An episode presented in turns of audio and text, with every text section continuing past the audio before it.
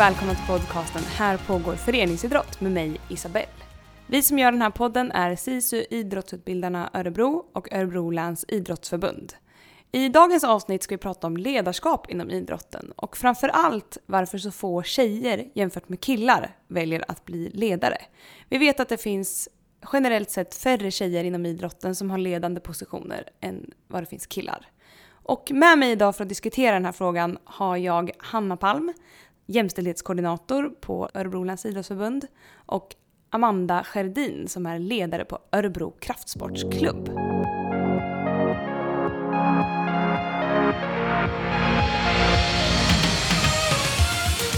Ja, jag är 26 år gammal, jag bor i Örebro och jag är tränare och också aktiv i tyngdlyftning på Örebro kraftsportsklubb här i Örebro.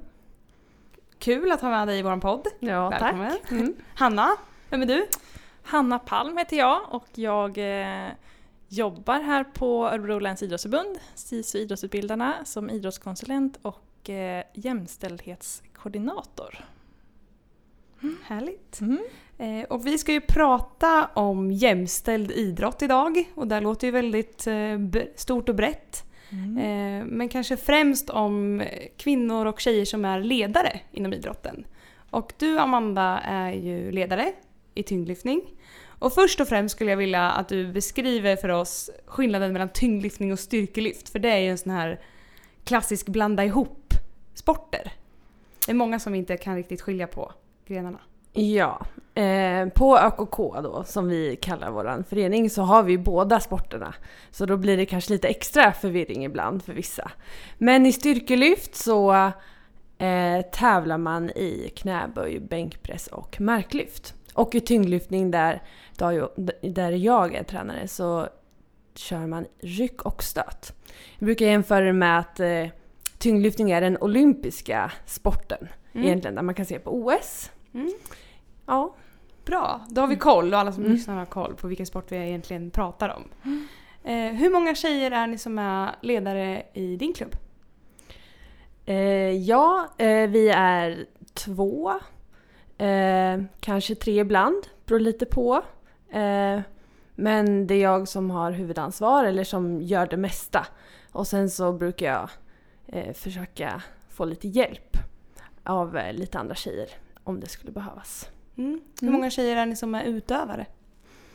Eh, ja, nu under senaste året så har vi faktiskt ökat antalet tjejer väldigt mycket. Gått från kanske två, tre stycken till tio, runt tio. Så att eh, ja, det har varit stor ökning.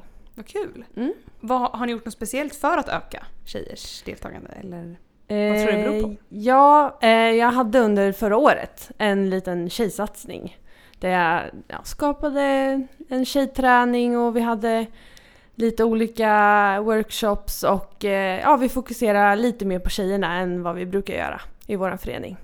Så det gav goda resultat, så det var väldigt roligt. Det är roligt. Mm. Har du varit inblandad i det här projektet Hanna? Eller? Ja, jag var till och med ner och eh, testade på en träning. Och eh, ja, jag hade träningsvärk kan jag säga, även fast jag inte var med på hela träningspasset. Så det var, det var jättekul. Men ja, från, som, eh, som eh, idrottskonsulent och jämställdhetskoordinator så har jag varit med och eh, stöttat ekonomiskt framför allt för att det här ska vara genomförbart. Kul, vad bra. Eh, tyngdlyftning och styrkelyft och den typen av kraftsporter eller lyftsporter kanske man säger.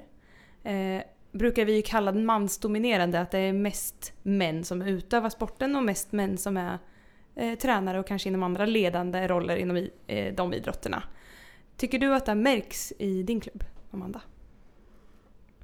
Eh, jag, innan den här tjejsatsningen så märktes det. Och det var väl därför jag kände att det fanns ett behov av att göra någonting åt det.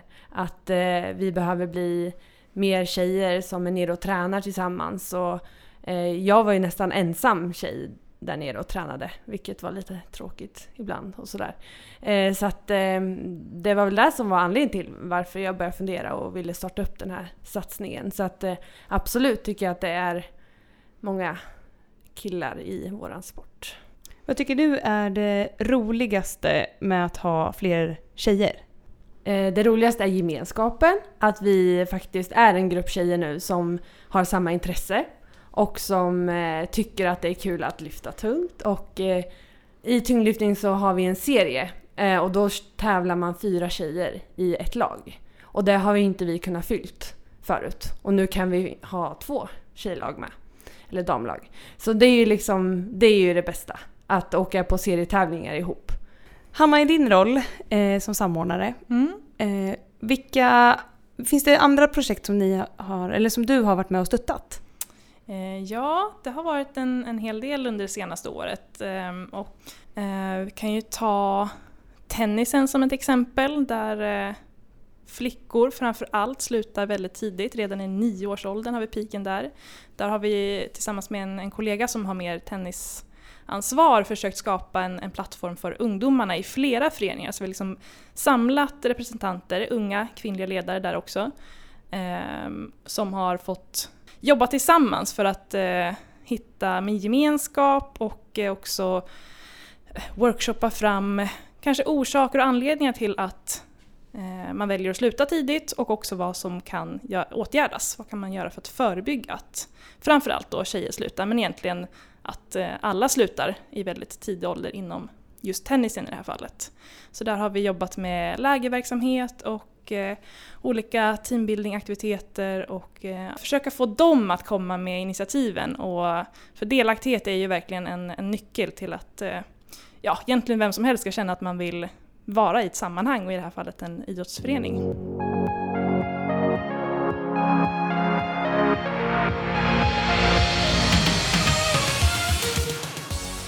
Tror ni att det är eh, avgörande för tjejer att det finns eh, tjejer eller kvinnor som är tränare?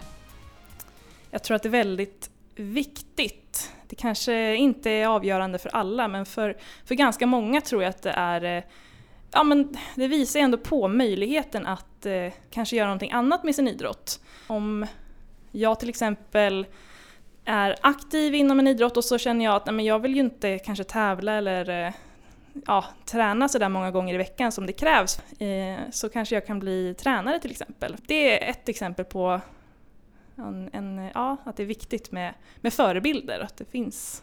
Tror du att det har hjälpt att, till att du är ledare i din klubb, Amanda?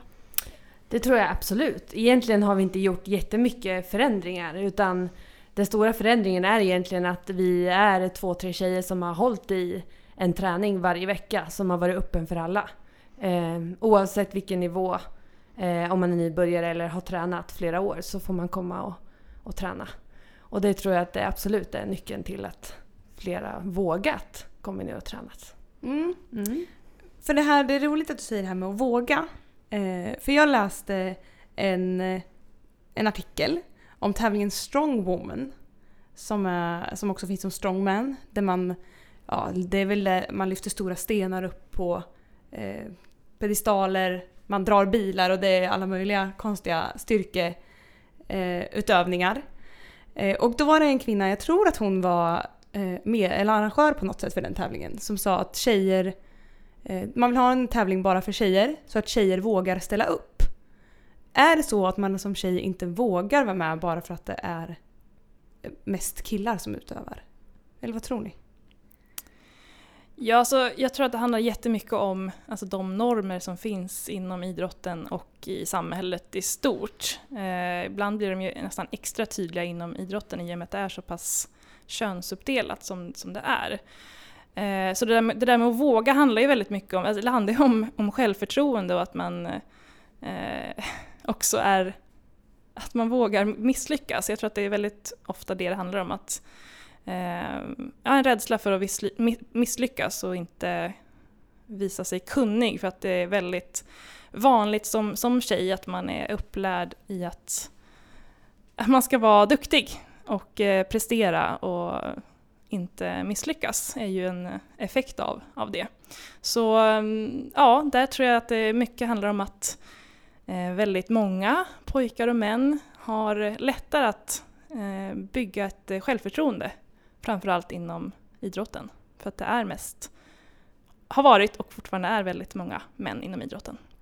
Ja, och precis som Hanna säger, det här med normer så har ju jag upplevt i alla fall en norm om att tjejer eller kvinnor inte ska bygga så mycket muskler eller inte vara så starka.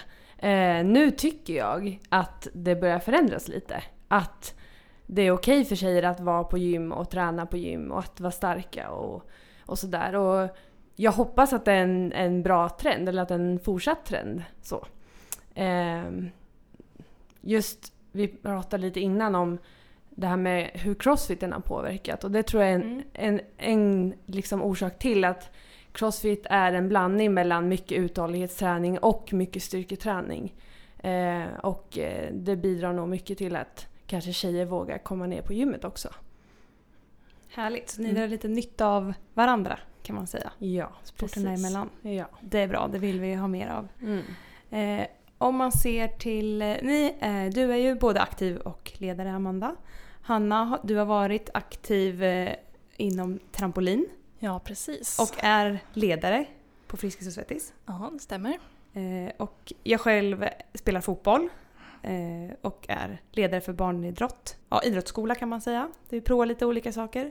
Hur många ledare har ni haft genom livet, idrottsledare, som har varit tjejer? Ja, eh, genom gymnastiken så var det ju framför allt tjejer.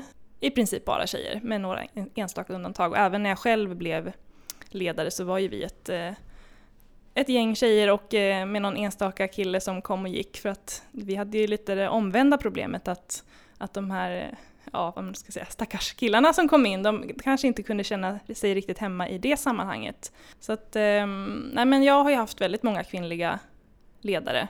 Ja, och i tyngdlyftningen, jag, eh, den piken när man tränar tyngdlyftning kommer ju oftast faktiskt lite senare. Eh, så att just i tyngdlyftning så har jag egentligen haft han som är tränare bredvid mig eh, som tränare. Eh, men sen eh, i, när jag var barn så simmade jag väldigt mycket och simtävlade och då var det både kvinnor och män.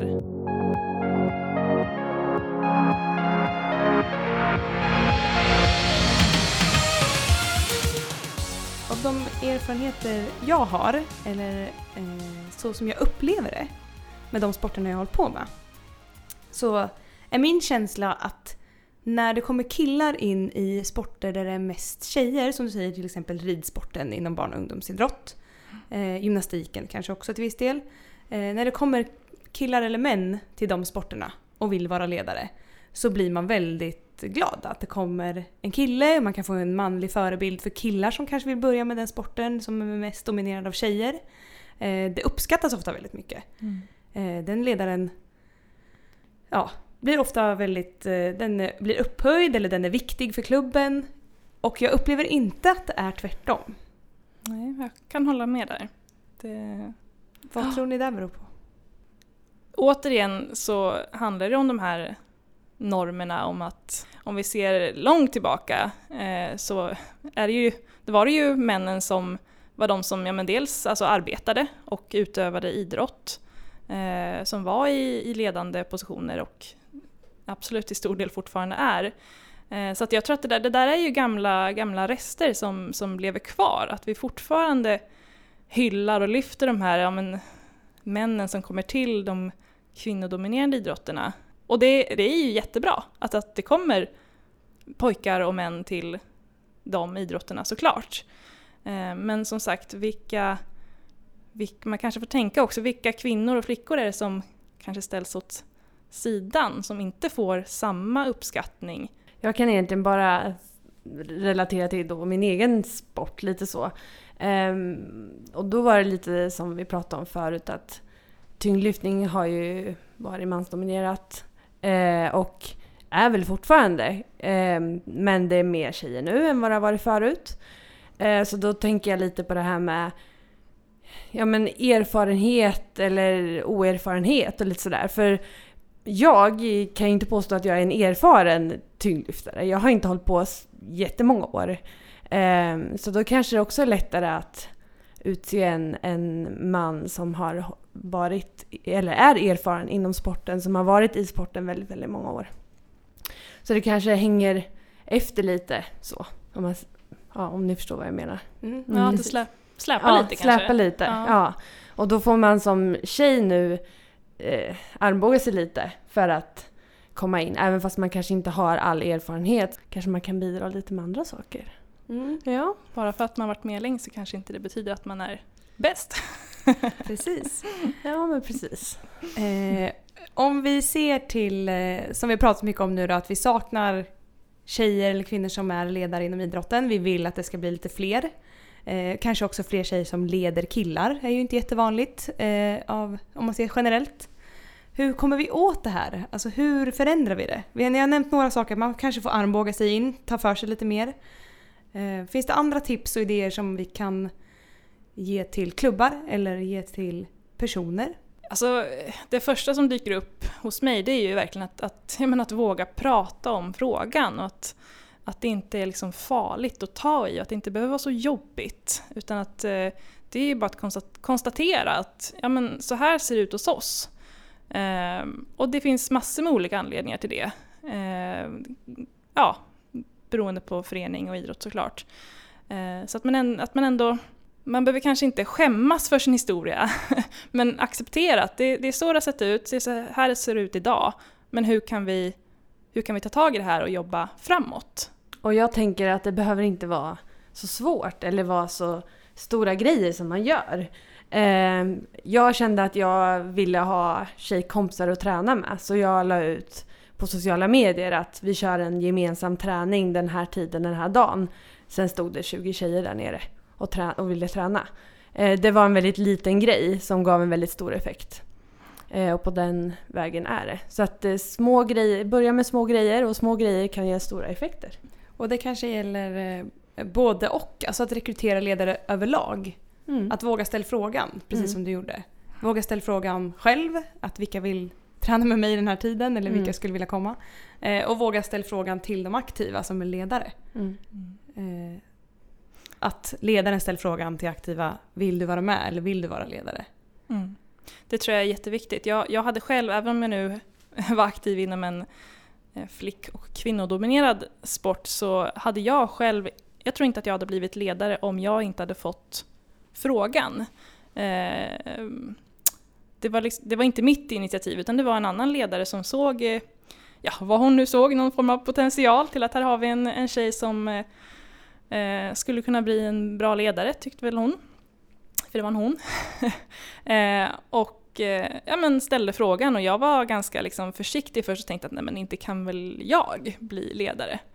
Eh, men det är, det är det bästa jag har gjort. Det är anledningen till att jag står här idag och har det jobb jag har och valde de utbildningar jag har gjort. Så att, eh, jag skulle uppmana alla inom idrotten att, att bli bli ledare för att det är, ja, det är en fantastisk eh, resa att göra.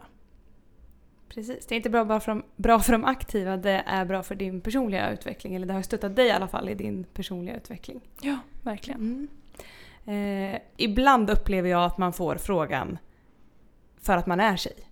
Mm. Och jag vet inte om det är rätt väg att gå men man kanske kan uppmärksamma den personen för vad den har för kvaliteter eh, vad den är bra inom, hur den har utvecklats i, i sin sport. Eh, och inte för att det vore roligt att ha en ledare som är tjej, även om det är det vi har pratat om här idag. Att vi gärna vill ha in. Mm. Att man rekryterar lite mer likvärdigt kanske. Absolut.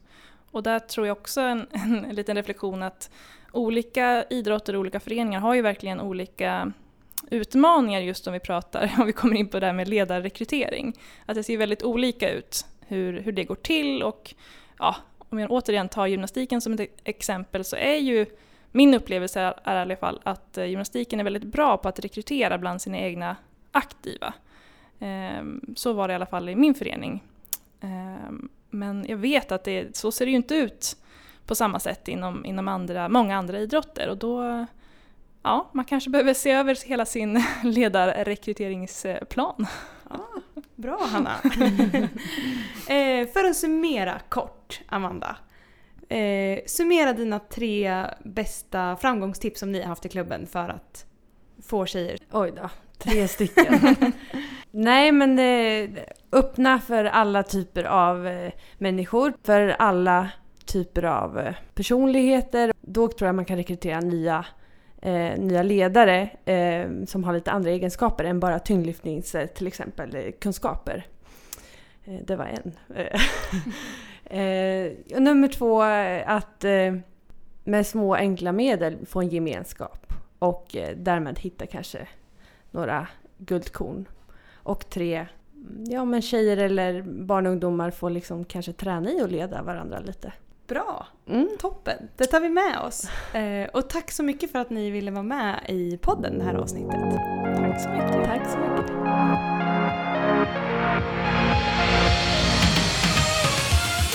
Du har lyssnat på ett avsnitt av podden Här pågår föreningsidrott. Podden görs av SISU Idrottsutbildarna Örebro och Örebro läns idrottsförbund. Vill du kontakta oss i, som gör podden? Mejla gärna till podd.olif.se Alltså podd olif.se Vi har också en Facebook-sida som du gärna får besöka. Idrott Örebro län heter den. Vi hörs igen nästa torsdag. Lyssna gärna då.